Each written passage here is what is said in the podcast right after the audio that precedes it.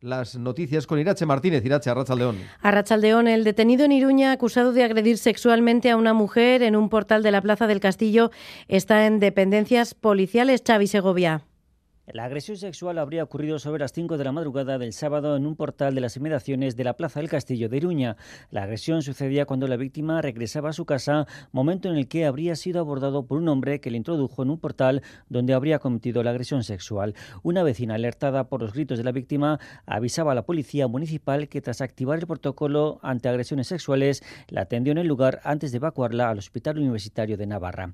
Tras abandonar el centro sanitario, la mujer presentaba la correspondiente denuncia ante la Policía Municipal que en pocas horas, gracias a la descripción de la víctima, detuvo a un joven como presunto autor de la agresión sexual.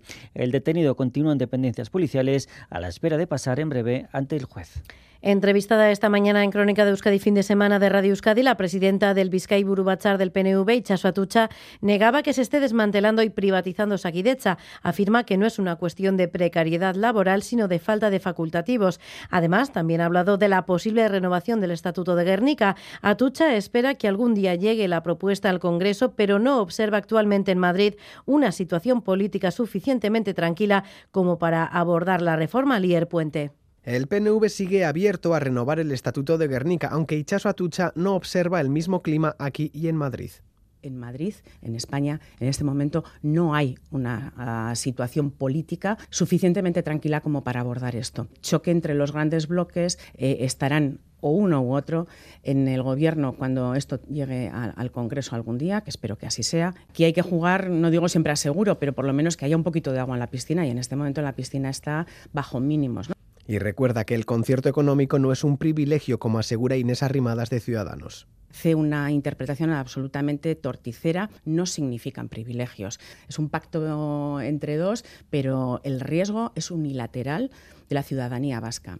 Por otro lado, Atucha niega que se esté desmantelando y privatizando Osakidecha, pide no confrontar políticamente y reclama cautela a los sindicatos a la hora de seleccionar las palabras decir que se está desmantelando y que se está intentando privatizar sin dar un solo dato, creo que es cuando menos peligroso, porque generan sensaciones que no pueden ser después demostradas con datos. Además, la presidenta del BBB del PNV pide corresponsabilidad con la sociedad a empresas y bancos cuando ganan por encima de lo habitual, como es el caso de Cuchabank, que ha recurrido el impuesto a la banca. Y este domingo también ha habido actos preelectorales. Eder Carrero, Arrachaldeón. Arrachaldeón, sí, en Ordicia el PNV presenta candidaturas a las alcaldías y juntas generales. En el acto, Ider Mendoza, candidata general en el territorio, habla de compromiso con el pueblo. Guk herriaren alde zerbitzu publiko bat eskaintzeko helburua daukagu eta zerbitzu publiko hori edo bokazio hori daukagoen justu konpromiso bat daukagulako herriarekin. Y en referencia a la sanidad pública, Euskal Herria Bildu cree que la situación es grave debido a decisiones políticas. El Carrequín Podemos Esquerra Niza pide un cambio de modelo que fortalezca el sector público de los cuidados y la sanidad. Juan Carlos Izaguirre, candidato a la alcaldía de Donostia, y David Rodríguez, candidato a diputado general de Araba. Osakidecha se está desmantelando. Se han hecho políticas desde el gobierno vasco que debilitan el sistema público de salud y fortalecen los sistemas privados de salud. Entendemos que es importantísimo impulsar el sector de los cuidados y las residencias, un sector que debe ser público y de calidad en mayor medida, ya que actualmente se basa en un modelo que precariza a las trabajadoras de un sector importantísimo para la sociedad. El PSE destaca en Pasaya, habla de garantías para gobernar. José Ignacio Asensio, candidato a diputado general. Los socialistas somos la garantía de no perdernos en debates identitarios que no conducen a ningún sitio. No nos encontrarán en propuestas que enfrenten y dividan a la sociedad. Y el PP Vasco dice las elecciones de, mayor, de mayo son una buena oportunidad para enviar al PNV al rincón de pensar. Carlos Iturgaiz, presidente de la formación. Porque se lo ha ganado a pulso, por su mala gestión, por la corrupción, por manejar a Euskadi como si fuera su bachoqui particular. Y recuerda que el PNV se esconde de su corresponsabilidad, dice, con la ley del sí sí.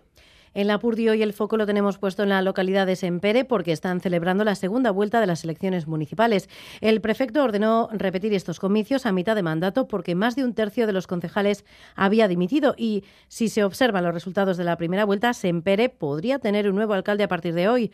Aitor Sagarzazu, Arrachaldeón. Arrachaldeón, sí. En total hay tres listas. En la primera vuelta fue la oposición actual la que recopiló más votos, 1.115 en total. Confiados ha mostrado para hoy Bernard Elorja, cabeza de lista de Agir pour Sempe, Ekin Sempererentzat. Je suis euh, très confiant, je m'aperçois qu'il y a déjà beaucoup de monde qui vient voter, donc euh, voilà. Dice que está tranquilo y que quiere repetir los resultados de la semana pasada, pero están cerca los abertzales y los dimisionarios de la antigua mayoría. Quedaron segundos por solo 35 votos y hoy quieren darle la vuelta a la situación.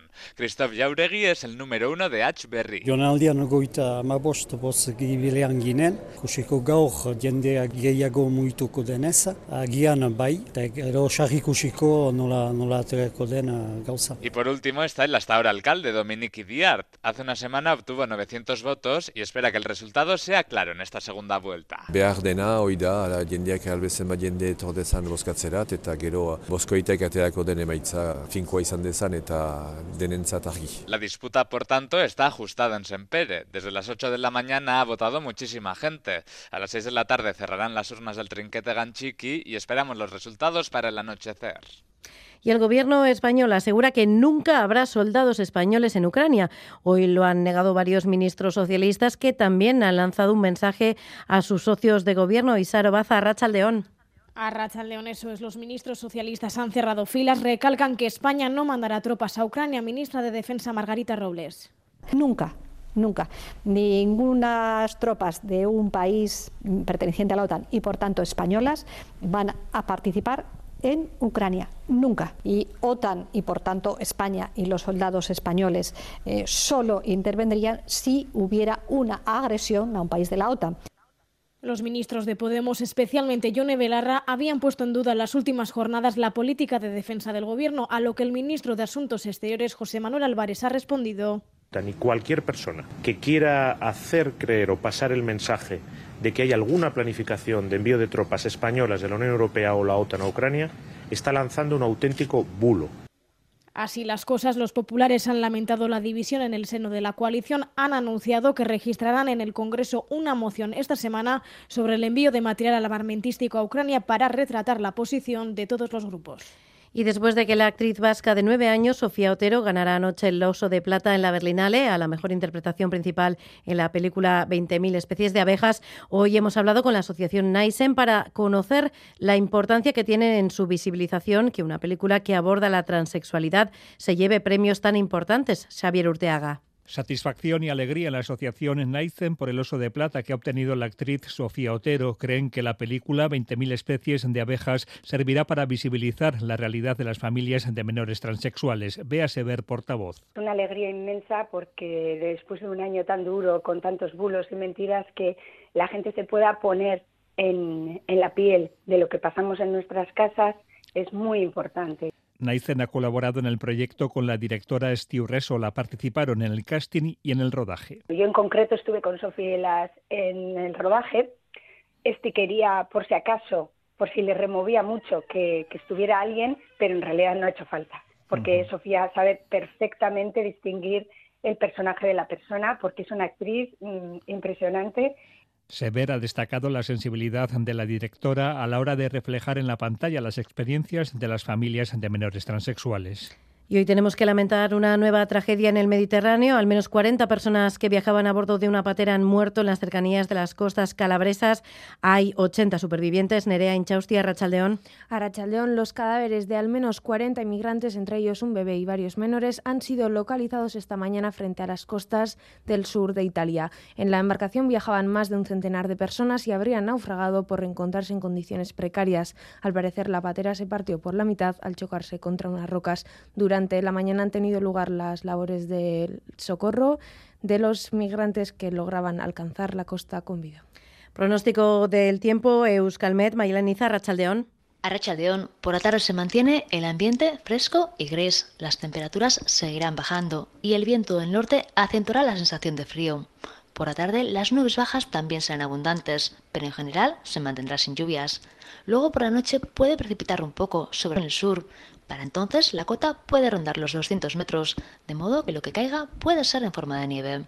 Aún así, por la tarde tenemos que destacar el frío. Mañana comenzaremos la semana con un tiempo plenamente invernal. La cota de nieve puede bajar al nivel del mar y la precipitación será algo más abundante en las horas centrales, cuando no descartamos algunos chubascos más intensos en el interior de Guipúzcoa y Vizcaya. Además, mañana hará más frío. Las máximas rondarán los 2-6 grados y con el viento del norte la sensación de frío será mucho mayor. En resumen, mañana hará mucho frío y veremos nevar. Bueno, pues con el pronóstico del tiempo terminamos, así que es todo, Asier.